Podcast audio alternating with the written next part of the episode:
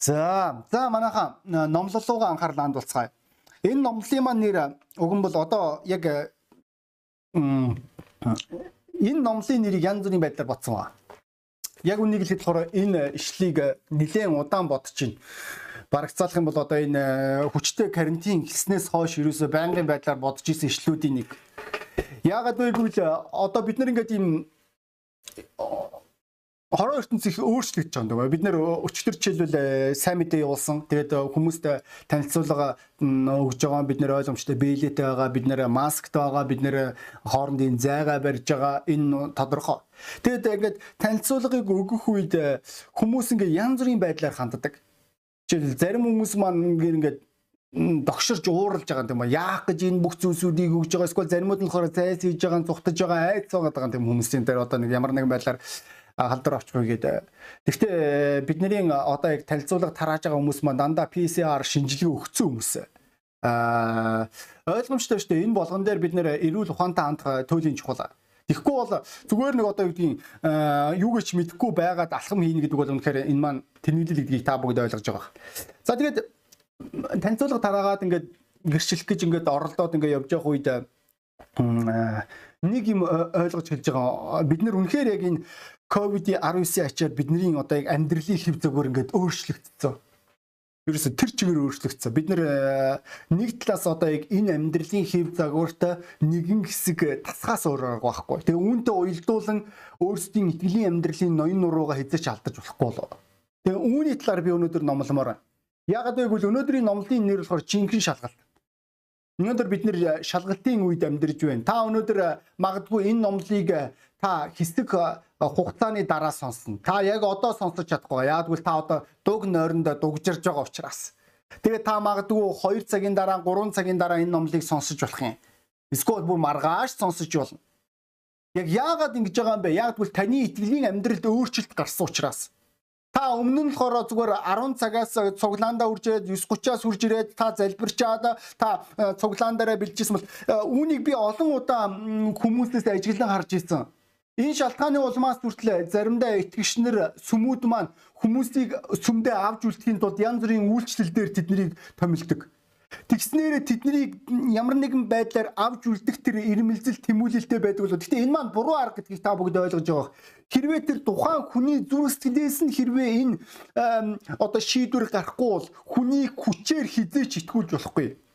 Жишээлбэл наацх нь одоо нэг э, ийм ойлголтоо одоо жишээл манай итгэгч нарын нэг утас руу нэг одоо байнгын одоо байгаа тэр номер руу нэг зал нэг ах залгаад байгаа. Тэр ах аврагдана гэдэгт найдаж байна. Тэгээ тэр ах маань залгах болгондоо янз бүрийн байдлаар одоо ингээд ийм чамлсан, дор дүүцсэн, доромжилсан өнгөйсаар эсвэл одоо юу гэдгийг тохуурхсан өнгөйсаар залгаж байгаа. Тэгээд өөр ирэхгүй бодож хэлж байгаа. Тэгээд тэр хүн маань болохоор өөрийгөө болохоор би тийм шашны одоо байр суурийг илэрхийлдэг та нар зайл гэж хэлж байгаа. Тэгээд би өөр ирэхгүй байгаа. Үнэхээр тэр шашны үзэл байдлыг үзэл бодлыг баримталж байгаа хүмүүс хүмүүс маань ийм хараал хилдэг ийм догшин те ийм хүний мууг үзэх дуртай хүнийг доромжилсан ийм дорд байдаг юм болов гэж бас мөн өөр нэг итгэгчийн одоо тэр амьдралаас харж олон түүний хамаатан садан байдгаараа түүнийг ерөөсө бүр ингээд хүчээр тийм үү баг ингээд одоо жишээлбэл одоо би тэрнтэй одоо тэр нөгөө Есүст итгэдэг болчихж одоо би тэрнтэй тааралдангуудаа би түүнийг зодно гэж хэлж байгаа. Тэгээ би өөрөө бодож байгаа одоо 20 гарцсан хүнийг те хүчээр ингээд зодоод одоо чи миний одоо ингээд шашинд итгэх ёстой гэдэг энэ арга тийм хэрэгтэй юм болов үгүй юм болов. Тэгээд ийм зүйлсүүд их тод ийм зүйлсүүд байдаг. Энэн дээр бол итгэгчнэр одоо юу гэм би тийм ээ үнэхээр би итгэл дээрээ зогсож чадчихээн би үнэхээр би Иесус Христэд итгэдэг гэж хэлж болох юм. Гэтэ үүний хажуугаар бидний амьдрал дээрээс мэддэхгүйгээр нэвтрэн орж ирээд бидний амьдралын нэг хэсэг болоод үүнийхээ бид нэг мэдгэд барлаг болоод бид нар мэдэн тийм үү бидний итгэлийн амьдралыг сайн туршууд өвөрдүүлдэг. Э, энэ зуршлууд маань болохоор бурхнаас хурж ирдэг. Энэ бол маргаангүй яг бид нарт өмнө нь энэ байгаагүй. Сүмд бай хурж ирэхээс өмнө нь байгаагүй. Тэгээд энэ зуршлуудыг бид нэр өөрсдийн амьдралын нэг хэсэг болгож байгаа. Тэгээд үүнтэй уялдуулах бид нэр алхам хийж байгаа. Тэгвэл энэ зуршлуудыг багуугаар таны амьдралаас хулгайлж иж болох юм. За тэгээд нэг мэдсэн чинь те энэ зуршлал таны амьдралд байха болж байгаа. Тэгээд бүгдээр хамт сургаалт төгс 24-ийн 10-ыг бүгдээр харцгаая. Зовлон шаналлын үед зөхөрдөг болоо хүч тэнхээ чинь үнэхээр дорой ажээ гэж хэлж байгаа. Би олон удаа энэ итгэлийн амьдралын хугацаанд ийм ирчүүдийг, огтуудыг харж ирсэн. Тэд нэр ойлгож байна тий. Энд чи энэ ишлэл дээр зовлон ирдэг гэж хэлж байгаа бол мөн жаргал бас байдаг гэсэн үг.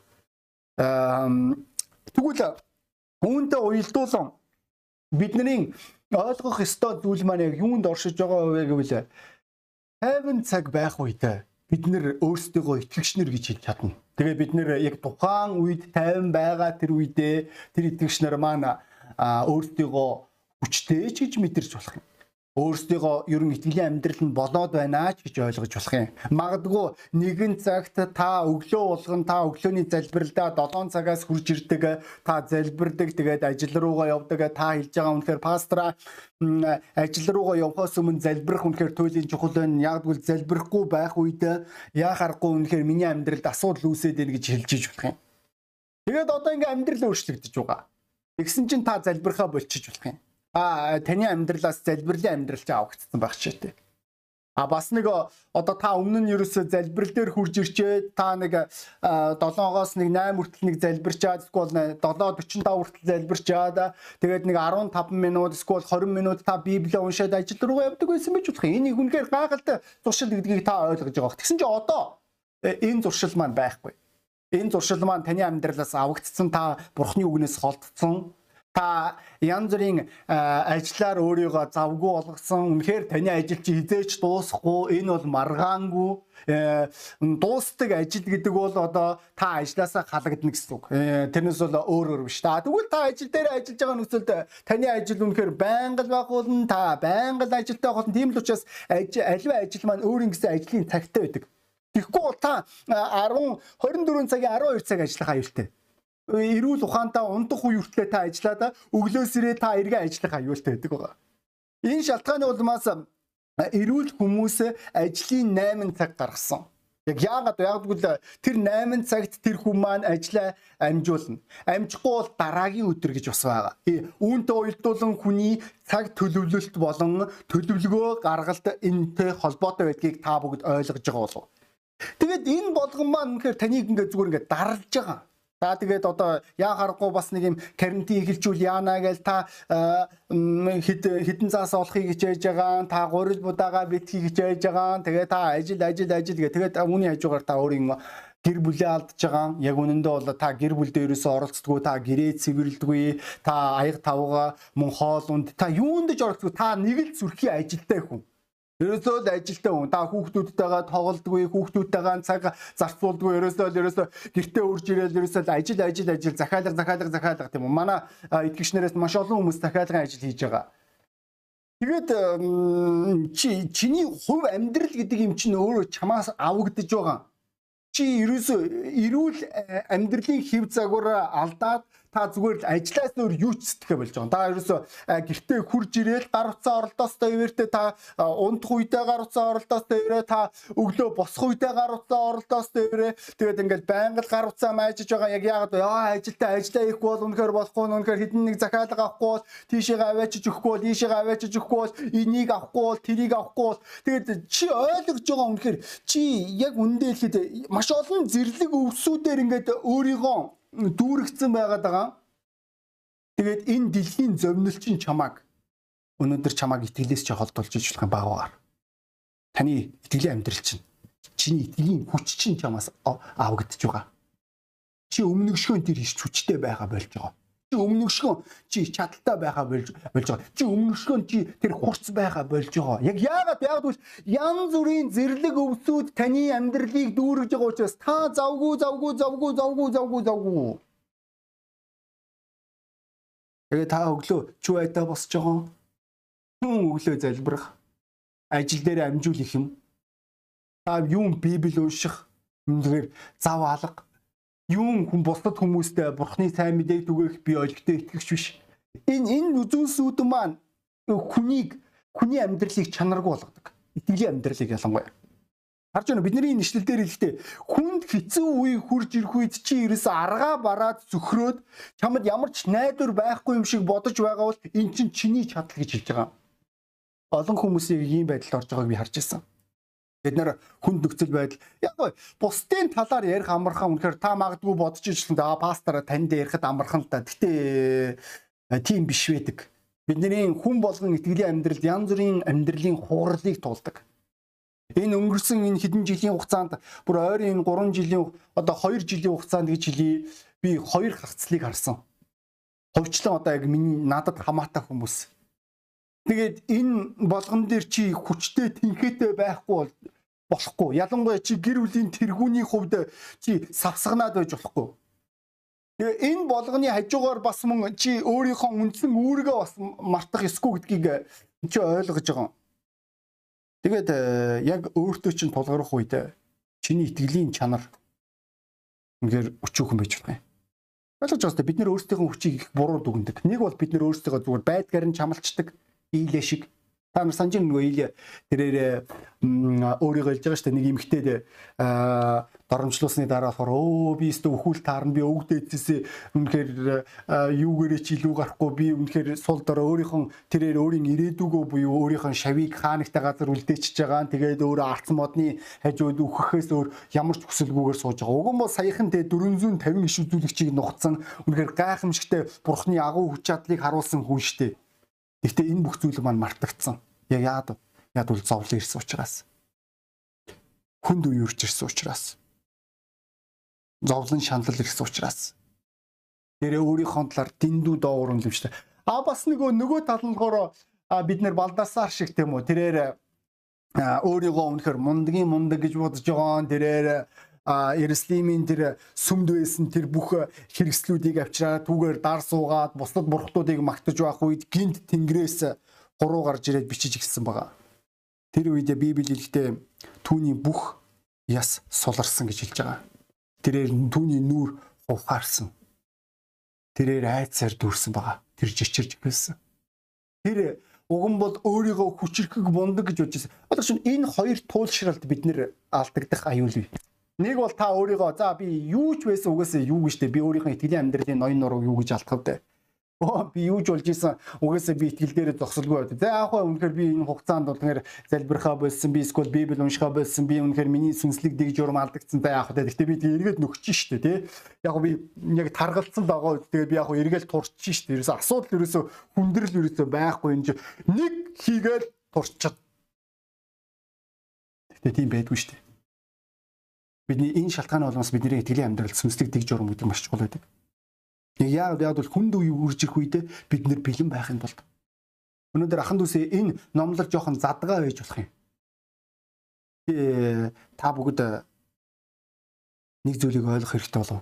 Хүн болгонд өөр юм гэсэн хүч бий. Энэ хүч чи ямар вэ гэдэг л өнөөдөр гол асуулт байна. Та 50 цагт өнөөдөр итгэгч гэж хэлж болно.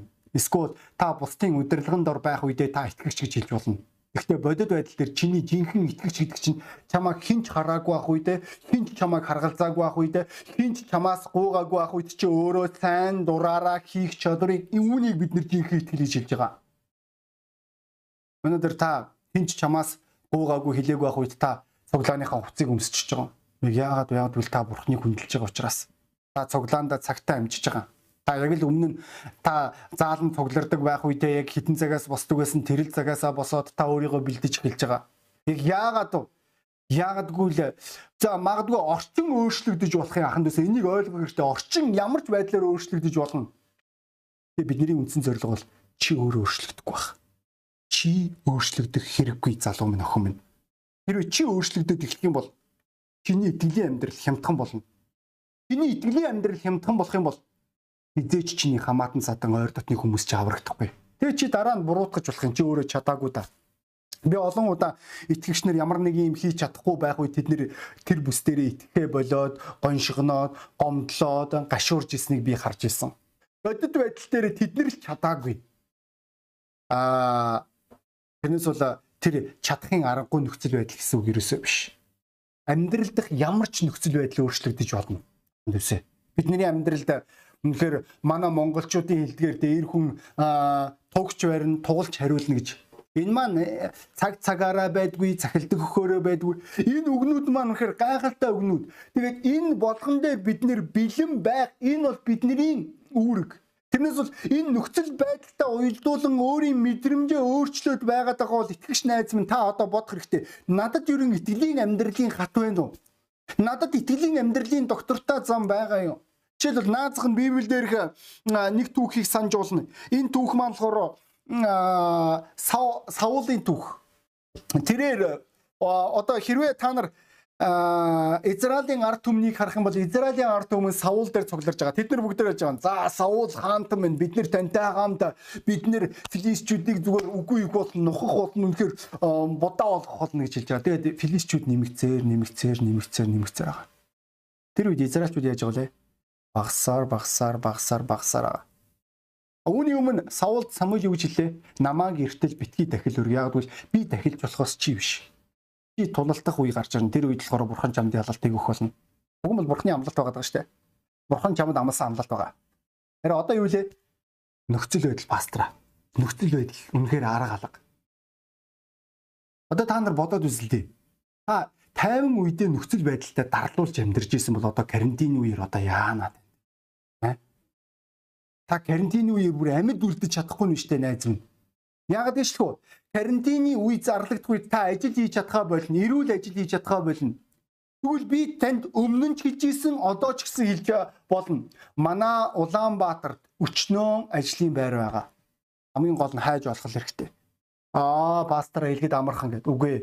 Тэр бид нэр хэрвээ одоо жишээлбэл бидний хувьд энэ стрим гэдэг энэ онлайн захим цуглаан гэдэг чинь ерөөсөө 10 сарын хугацаанд л бий болж байгаа зүйл шүү дээ.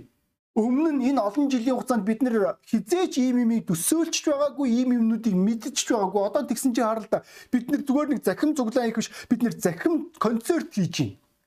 Тэгээ янз бүрийн төхөөрөмжүүдийг бид нэр ашиглаж сурж байна. Эн чинь юу гэсэн үг вэ гэвэл бид нэр зүгээр одоо юу гэдгийг?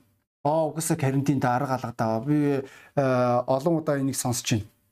Зарим цуглаанууд бүр цуглархаач болсон байна тэр итгэгчнэр нь зүгээр хаягдчихж байгаа.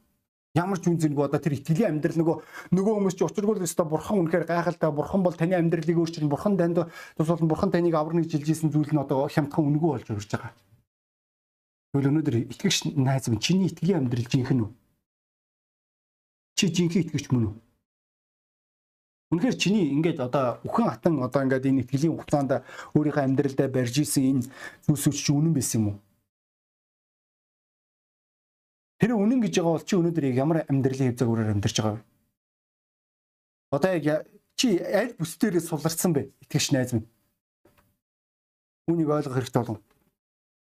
Яагвал хэрвээ энэ зүйл байхгүй бол бид нэр амтхан болно гэсэн үг. Ахын дэсээ бид нэр ойлгох хэрэгтэй болов. Санжийн 19 настай байх үедээ би анх Христэд итгэсэн. Одоо би 36 тай. Одоо хүртэл би итгэсэн хэвээрээ байна. Би үүнийг өөрчлөх бодлоо. Яг бол миний бурхан үнэн учраас. Энэ бүх олон жилийн хугацаанд бурхан миний амьдралд олон зүйлсүүдээр тусалсан. Тусламж гэдэг маань өөрөө бид миний хувьд гайхалтай ерөөлөл надад аврагдах нь хангалттай байсан. Тэгвэл үүнээс ч илүү зүйлийг бурхан миний амьдралд хийсэн. Энэ хугацаанд өнөөдөр миний байр суурь, миний хандлага нөхцөл байдлаас болж өөрчлөгдөх ёсгүй. Харж байна бидний нэшлэлээр хэлэхдээ зовлонгийн шаналлын цагт хэрвээ чи суу зөвхөрдөж байгаа бол хүч чинь тийм юм байна гэж хэлж байгаа. Энэ үнэхээр энэ карантины үе бидний итгэгч хүмүүс бидний хувьд жинхэнэ шалгалт. Чи үнэхээр хүмүүс аврахыг хүсэж байгаа юм уу? Чи үнэхээр хүмүүсийн амьдралд туслахыг хүсэж байгаа юм уу? Эсвэл зөвхөн одоо хувээчсэн амьдралаар биел болж ивэл бусд нь хамаагүй гэсэн хогийн амьдралаар амьдрахыг хүсэж байна уу? Библи хэлэхдээ Лук номын 8 дугаар бүлэг дээр 18 дугаар бүлэг дээр тодорхойлох юм бол 8 дугаар эшлэл дээр Бурхан аа өөрийн хамгаалтаа өгөх нь маргаагүй. Харин хүний хүү эргэж хурж ирэх үед итгэлийг олох болов гэж хэлж байгаа. Өнөөдөр энэ үг бидний амьдралын маш чухал зарчим болов. Есүс хурж ирэх үед чиний амьдралаас сэтгэлийг олж авч чадах уу? Чиний амьдралд энэ итгэл байна уу? Энэ итгэгч найз минь. Өнөөдөр Есүс чамаас итгэмжтэй байдлыг харж чадах уу? Эсвэл өнөөдөр хэрвээ Есүс чиний амьдралыг хурж ирээд ингээ за залуу минь, батаа минь, дондог минь, доржоо минь, болд минь одоо чи өдөр болгон яг яаж амьдарч ийд? Тийм үнэхээр бурхан биднэртэй хамт үргэлж байгаа. Энийг ойлгож ин. Гэтэ зүгээр ингээд төсөөлөл дөө бүгдөө. Ингээ өглөөнөөс эхлээд ингээд орой хүртэл ингээд чамтай хамт байх үед чамааг ажиглаж явах үед чи яг ямар амьдралын хэв загвараар амьдарч байгаа. Тийм ээ үнэхээр камерын өмнө та мундаг сүрхийн хүний дүрд тоглож чадна. Өстө үнэхээр өөс сэвгүй байр суурийг илэрхийлж болох юм. Энэ амархан шүү дээ. Яг тэгвэл камер чам руу чиглэж байгаа учраас бид нэр нэг зүйлийг мартдаг. Бурхан биднэр лөө байн гарч байгаа. Тэр камераас илүү. Тэрээр чиний амьдралын бүхэл мөчүүдэд, чиний оюун бодол, чиний зүрх сэтгэлийн бүхэл бодлуудыг тэр мэднэ. Тэгэд энэ үед чи бурхан чиний амьдралыг хардггүй аятаа чи амьдарч иж болох юм. Чи өөрийн хүчийг харах үед чамд хүч байхгүй. Санжино Петр тэрээр хэлж байгаа. Эзэн минь үнэхээр бусд нь бүгдөө танаас орвсон ч гэсэн би хизээж таныг орхихгүй. Би тантай хамт шоронгоор нь би тантай хамт үгсэн ч надад хамаалга. Гэхдээ яг бодит байдал дээр яла. Бодит байдал дээр яасан бэлээ? Юу боллоо? Тэгээ өөр ирэхгүй асуулт гарч ирж байгаа. Хэрвээ Петр тэр тэр мөчд залбирж исэн бол эзэнтэй хамт түүний амьдралд сорил төрж ирэх үедээ тэр яг яаж хандах байсан бол Өнөөдөр итгэгч найз минь өнөөдөр чиний амьдралд сүнслэг дэг журам байсан бол тэрнээс бол нөхцөл байдлаа өөрчлөглөөгөө чи өөрчлөгдөөл хаврын тэнгэр шиг зан гаргаа яваад авах ш. Чиний амьдрал доктортой төлбөртэй зам байсан бол чиний амьдрал өнөөдөр яг ямар байгаа вэ? Чиний амьдралд бурхан яг ямар гайхамшиг бүтээж байгаа вэ? Би пасторын хувьд энэ зүйлүүдийг олж харж байна. Итгэгчнэр одоо залбиралд итгэхээ болж байна. Харж ийн итгэгчнэрээ та нарын амьдралаас диавол залбирлыг улгаалж байна.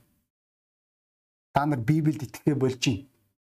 Библи бурхны үгэнд итгэх итгэлийн чинь диавол та нараас улгаалж байна. Зүгээр нэг та уншихын төлөө уншиж байна. Заримуд нь мөн та итгэлээ бусад хүмүүст ярихаас айж гин. Өмнө нь та арх уудаг байх үедээ, та архичин байх үедээ та энэ зүйлсүүдийг баруун зүнг хийдэг байх үедээ та хизээч ичиж байгаагүй шүү дээ.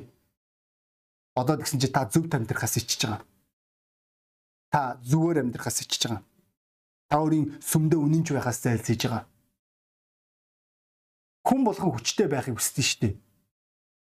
Бүр Библиэлд Симон тэрээр элчнэрийн гар тавилтаар ариун сүнс батлагдж байгааг хараад тэрээр хэлж байгаа. Надад яг наад хүчээ өгөөч. Би наад хүчийг чи аммаар байна. Тэгээ юу болоо? Хүн болгон хүчийг хүсдэг. Хүн болгон хүчтэй байхыг хүсдэг. Ялангуяа хүнд хэцүү үед. Гэтэ энэ хүнд хэцүү үед хүч маань хүний амьдралд автоматар ирдэггүй Энэ шалтгааны улмаас ойлгож байгаа хэвээр та итгэлийн амьдралдаа итгэлээсээ болж Есүст итгэдэг гэдгээсээ болж гадуурхагдаж болно. Би сая өмнө нь номлын өмнө хэлжсэн тийм үү? Та Есүст итгэдгээрээ л та хүмүүсээр ад үзэгдэж байгаа. Тэгэл байдгаар нөгөө хүн чинь таныг хүчээр итгүүлэхийг хичээж байгаа бүр одоо юу гэсэн үг би өстө ахын өвдөстө дүүгээ зодно одоо тэр яхаар Есүст итгэдэг гэж хэлж байгаа. Тэгээд тэр ах нь өнөөдөр ямар амьдралаар амьдарч байгаа болоо? Өнөөдөр энэ гавчлага таны амьдралд байж болно. Энэ ирж болно. Бидний амьдралд хүнд нөхцөл байдал ирдэг. Санхүүгийн хүрэлцээгүй байдал. Ялангуяа би итгэлтэй байна. Та энэ карантин эхлэх үе тэр мөчид тийм үү хэдэн сарын өмнө та өөрийгөө ямар санхүүгийн бодлогогүй ямар санхүүгийн төлбөргүй гэдгээ та олж харсан болов илрүүлсэн болов тэнгуүтэ өөрийн мангараа ганхаад амьдраад байж болохгүй та алхам хийх хэрэгтэй Та өнөөдөр өөрийнхөө итгэлийн амьдралд өнөөдөр өөрийгөө сул дорой гэдгээ мэдчихэж байгаа. Та өнөхөр итгэлийн зарчмууд чинь ухарсан. Таны цэвэр ариун амьдрал чинь эргэлзээтэй болсон. Та энэ бүх зүйлүүд дээр маргаантай болж эхэлж байгаа. Та залбирал би сүнслэг дэг журманд таны амьдралаас авагдсан. Яг яагаад вэ? Яг бол та хүчийг өөрөөс чинь гардаг гэж ойлгоод байна. Юм биш. Бид нэр хүчийг бурхнаас авдаг. Бид нэр бурхны оролцоотойгоор энэ хүчийг өөрсдийн амьдралдаа хэрэгэлдэг. Энэ шалтгааны улмаас Үйлсийн номын 1:8 дээр хэлжтэй. Та нар хүчийг олох үед буюу ариун сүнсээр та нар батлагдах тэр мөчид та нар миний гэрчнэр байж. Энэ газар байгаа итгэгчнэрээс хідэн ойлгож байгаа вэ? Та энэ дэлхий дээр Иесусийн гэрч. Таны амьдралын хэв загварыг хараад, таны амьдралын нөхцөл байдалд хандах тэр хандлагыг тань хараад бусад хүмүүст нэг бол таны итгэлийн амьдрал э, амьдралаар чи амьдрын нэг бол таны итгэлийн амьдралыг жигшин. Та өнөөдөр яг ямар шийдвэр гаргаж байгаа вэ? Таны таны амьдралыг бусад харж байна. Харж байна уу бидний нэшлэлдэр а химжиж болох хэмжүүрийн талаар ярьж байгаа. Хэрвээ хүнд нөхцөл байдалд хэрвээ чи ингэж хандж байгаа бол чи тийм гэсэн үг. А хэрвээ ингэж хандж байгаа бол чи ийм гэсэн үг. Тэгвэл өнөөдөр та яг ямар вэ? Өнөөдөр танд бурхны хүч бий юу? Энэ бүх хугацаанд одоо карантин бол нэг хэрэг. Та гэртээ оргидж чинь. Бүр зарим хүмүүсийн хувьд их нэртэйгээ харилцаа харилцаа хүртэл асуудал байгаа. Бүр надад болохоор их нэртэйгээ байх хугацаа маань үнэхээр жаргал байгаа. Хүүхдүүдтэйгээ байх хугацаа маань Тийм үнэхээр энэ хугацаанд гэртээ ажил хийж байна. Энэ нөхцөл байдал арай өөр болж байна. Тэглээгээд өнөөдөр миний итгэлийн амьдрал өөрчлөгдөх хэрэггүй шүү дээ. Та өнөөдөр ямар ч нөхцөлд оруулсан, ямар ч газар байсан хувиршгүй итгэгч байх хэрэгтэй болов. Үүнийг бид нэр итгэмжтэй боол гэж хэлж байгаа. Библиэлд. Боол гэдэг нэр маань үнэхээр танд үнэхээр таалагддаг байж болох юм. Гэтэ энэ яа харахгүй. Та өнөөдөр өөрийн доороо яг ямар хүмүүсийг ажиллуулахыг хүсдэг вэ? Хизээл бол хизээ танаас ухрах, урвах хүнийг? Эсвэл итгэмжтэй үнэ?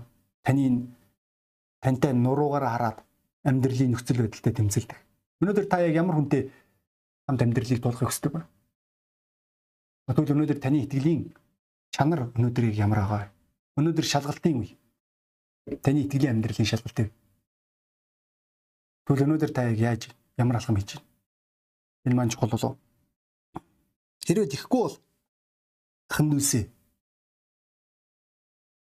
Дэми аж бидний итгэл бидний хүч бидний хүчгүй байх нь бидний бурхан хуурамч байх нь Тэгвэл асуудал нь өнөөдөр бидний бурхан хуурамчтай биш бидний амьдрал төлбөрөг хөдөл оршиж байгаа. Энэ шалтгаанаар итгэж шахан дүүсээ би та бүгдийг байнгын сүнслэгдэг журмаа алдахгүй байхыг уриалж байна. Та ямар ч нөхцөлд орсон. Олон удаа би өөр аймаг руу явах үед хүн хувирж байгааг харж байна. Яагаад юм болоо гэж боддог вэ? Тэгвэл одоо би өөрөө карантинд орчлоо. Тэгвэл энэ 16 жилийн хугацаанд миний бурхан хандах хандлага, итгэл дээр хандах хандлага, сүмд хандах хандлага маань өөрчлөгдсөнгүй. Тэгвэл над чиг ийм юм ийм хүн өөрчлөгдөхгүйгээр итгэлийн амьдралаар амьдарж байгаа бол танд хүүр тэр тусмаа боломж байгаа гэсэн үг. Өнөөдөр энэ боломжийг бидний амьдралд байхын тулд бидний сүнслэгдэх журамж байгаа. За тэгээд хүн болгон толгойгоо удаалгаад шийдвэрүүдийг гаргаасаа гэж хүсэж байна. Залбираасаа гэж хүсэж байна. Би та таныг үнэхээр залбиралт цагийг зарцуулаасаа гэж хүсэж байна. Өөрийнхөө итгэлийн амьдралыг бодтойгоор хараасаа гэж хүсэж байна. Хатуу шийдвэр гаргаасаа гэж хүсэж байна. Тэгээд э, та өнөөдөр ойлгож байгаа. Магадгүй та энэ номлыг анх удаа сонсч болох юм. Өнөөдөр миний ярьж байгаа олон зүйлсүүд таны хувьд ойлгомжгүй байгаа. Яг бол энэ ярьж байгаа зүйлсүүд маань өнөөдөр нийгмийн донд яригддаг зүйлсүүд ерөөсөө биш. Гэхдээ нэг л зүйл э, танд үнэн байх хэрэгтэй болов бид нэр үнэнч занд дуртай. Бид нэр үнэнч байхыг хүсдэг. Гэхдээ тэр болгын нийгэмд болоод байдаг. Яг яг бид нэр хуурам мэхлэлтэй ашигын араас хөөцөлдсөн ашигтай боломжоор таныг ямар ч зүйл рүүгүй ичгээр тэр нийгэмд амьдарч. Бид нэр харгис нийгэмд амьдарч байгаа үнэндээ бол энэ шалтгаанаар хүмүүс хүнд мууга харуулах дурггүй. Хүмүүст өөрийнхөө дутагдлыг харуулах дурггүй. Энэ нэг талаас зөв Яг бол бид нүгэлт ертөнцид амьдарч байгаа учраас нөгөө талаас бид энэ амьдралын хэв загрыг өөрийнх амьдралын хэв загвар болгож болно. Та өнөөдөр энэ энэ ертөнцид худал хуурмагаас залхсан бол та уралдаас залхсан бол та үнэнч бут байдлаас залхсан бол өнөөдөр би таныг миний бурхныг таньж мэдээсэй гэж бодож байна. Яг бол миний бурхан энэ бүх олон жилийн хугацаанд тэрээр хизээч хувиршгүй байсан гэсэн. Тэрээр зүгээр нэг хайртай гэж хэлээд өөр хэн нэгэн лүү чиглэх нэгэн биш. Тэрээр хайртай гэж хэлээд өөрийн цорын ганц үгээ бидний нүглийн төлөөсийн төлөө бидний нүгэлт мөн чанарын төлөө тэрээр төлөөссөн. Тэг яагаад яагаад бурхан танд үнэхээр хайртай учраас. Та танаас хизээч хувирахгүй үнэн итгэлийг та өөрийн амьдралдаа олж авч эрх чөлөөг олж авахыг хүсэж байгаа бол учир нь Библиэлд үннийг олж авсан нэгэн эрх чөлөөтэй болно гэж хэлж байгаа. Тэгвэл Есүс Христос өөр үнэн зам ам байхгүй. Түүгээр дамжуулан бидний амьдралд аврал, түүгээр дамжуулан бидний амьдралд чөлөөлөлт хүрч ирдэг. Өнөөдөр та энэ газар энэ номлыг сонсож байгаад та урахгүй үнэнч тэлгийг өөрийн амьдралд олж авахыг хүсэж байгаа бол та миний бурхантай илэрхгүй юу? Учир нь таны нүгэл миний бурхныг танаас холдуулахад хүргэдэг Бурхан нүглийг үзэн яддаг ч гэсэн таныг хайрладаг. Тийм л учраас э, таныг түүнтэй эвлэрээсэй гэж хүсэж байгаа. Хэрвээ та үнийг хүсэж байгаа бол та энгийн залбирлаар нүгэлт хүний гин чин сэтгэлийн уучлалт гүйж гимших залбирлаар надтай хамт залбираасаа гэж үзэж байна. Бурхантай эвлэрхийн тулд. Тэгээд дагаад хэлэхгүй бурхан минь ээ. Та надад хайртай гэж хэллээ. Та надад хайртай учраас өөрийн цорын ганц хүүгээ миний нүглийн төлөөсийн төлөө золиослсон гэж хэлж байна. Би үүнд итгэхийг хүсэж байна. Би мөн итгэх шийдвэр гаргаж байна. Та үнэхээр жинхэнэ юм бол та үнэхээр бодит юм бол та миний амьдрал туслаач би чинь энэ худ хурмгаас урвалт луураас энэ шудраг байдлаас би өөрөө хүртэл энэ зүйлсийн нэг хэсэг эзэн та үүнийг миний амьдралаас аваач та миний нүглийг уучлаач Есүс Христийн нэрээр аамен хэрвээ та чи сэтгэлээсээ залбирсан бол бурхан таны нүглийг өөрчилсөн, тантай эвлэрсэн. Тэр хизээч одоо энэ мүчээсгэлээ таныг нүгэлтэнгээр харахгүй. Тэрээр танд туслахыг хүсэж байгаа. Тэрээр хизээч хувирахгүй шүү. Энэ 16 жилийн хугацаанд бурхан хизээч надаас урууж байгаагүй. Харин би олон удаа хүний мөн чанараараа ойлгохгүй үйлдэл хийж ирсэн. Тэр болгон дээр бурхан уучлсаар байсан. Үнэхээр гайхалтай бурхан та энэ бурхныг таньж мэд хэрэгтэй. Түүний тулд түүний үг байгаа. Та Библийг уншиж болно. Та мөн бид нартай холбоо барьж болох юм. Битэл дээр улам илүү бэгчгийн тулд хүүхэд дөнгөж төрөөд бид нар хүүхдийг хайчдаггүй. Хүүхэд өсөх хэрэгтэй. Хүүхэд томрох хэрэгтэй. Тэгвэл үүнтэй ижилхэн мөн та энэ итгэлийн амьдралаар амьдрахыг хүсэж байгаа бол та итгэл дээрээ өсөх хэрэгтэй найз минь Тийм учраас та биднэртэй заавал холбоо барай. Бидний утасны дугаар байгаа. Тэгээ би дуудлага өөрчлөмөр байна. Найз минь итгэгч найз минь энэ бид нар жинхэнэ шалгалтын үед амьдарч байна. Варчны гэр гэдэг итгэгч нар энэ сүмийн итгэгч нар хэр итгэмжтэй вэ? Тэдний итгэл жинхэнэ үү? Тэдний энэ үхэн хатан тэмцээд байгаа энэ байр суурь үнэн үү? Энэ нь өнөөдөр чамаас шалтгаална. Чиний хатуу шийдвэрээс Энэ маань зүгээр нэг мэдрэмжийн төвшөнд биш гэдгийг найз минь ойлгох хэрэгтэй болов. Эхнээс нь өөрөө өөртөө шудраг дүгнэлт хий. Дараад нь ойлго. Алхам хийх хэрэгтэй гэдгийг. Итгэлийн амьдрал зүгээр нэг үг байх хэсгүй үүс байх хэрэгтэй. Тэр л үед жинхэнэ байх болов. Тэгвэл би таныг алхам хийхийг уриалж байна. Энэ үед таны эргэн тойронд байгаа хүмүүс таны итгэлийг хараад хийснийг алдаршуулан магтуулна гэж Библи хэлж байгаа Петрийн цагтл дээр. Хичнээн тэднэр зүхэж таны талаар ойлгогүй зүйлсүүдийг ярьж исэн ч гэсэн яг энэ үед л өнөөдөр ахан дүүсээ бидний итгэл харагдана гэдгийг ойлгох хэрэгтэй болов. Олон хүмүүс самуурж байна. Олон хүмүүс айцаар дүүрэн байна. Өнөөдөр тэгвэл та яг өнөөдөр яг ямар байр суурьаар хандаж байгаа вэ? Та өнөөдөр амьдралдаа өнөөдөр бусдын төлөө амьдрдаг гэдэг энэ ойлголтыг ухамсарлан ойлгож байгаа юу найз минь? Би таныг энэ өглөө хатуу шийдвэр гаргаасаа гэж хэлж байна. Бурхан танд туслаг. Тэгээ бүгдөө номлын төгсгөлд бүгдөө хамтдаа залбирцгаая. Тэнгэрлэг эзэн өнөөдрийн номлыг ивэсэн танд баярлалаа. Иесус Христийн цаа. Аамен.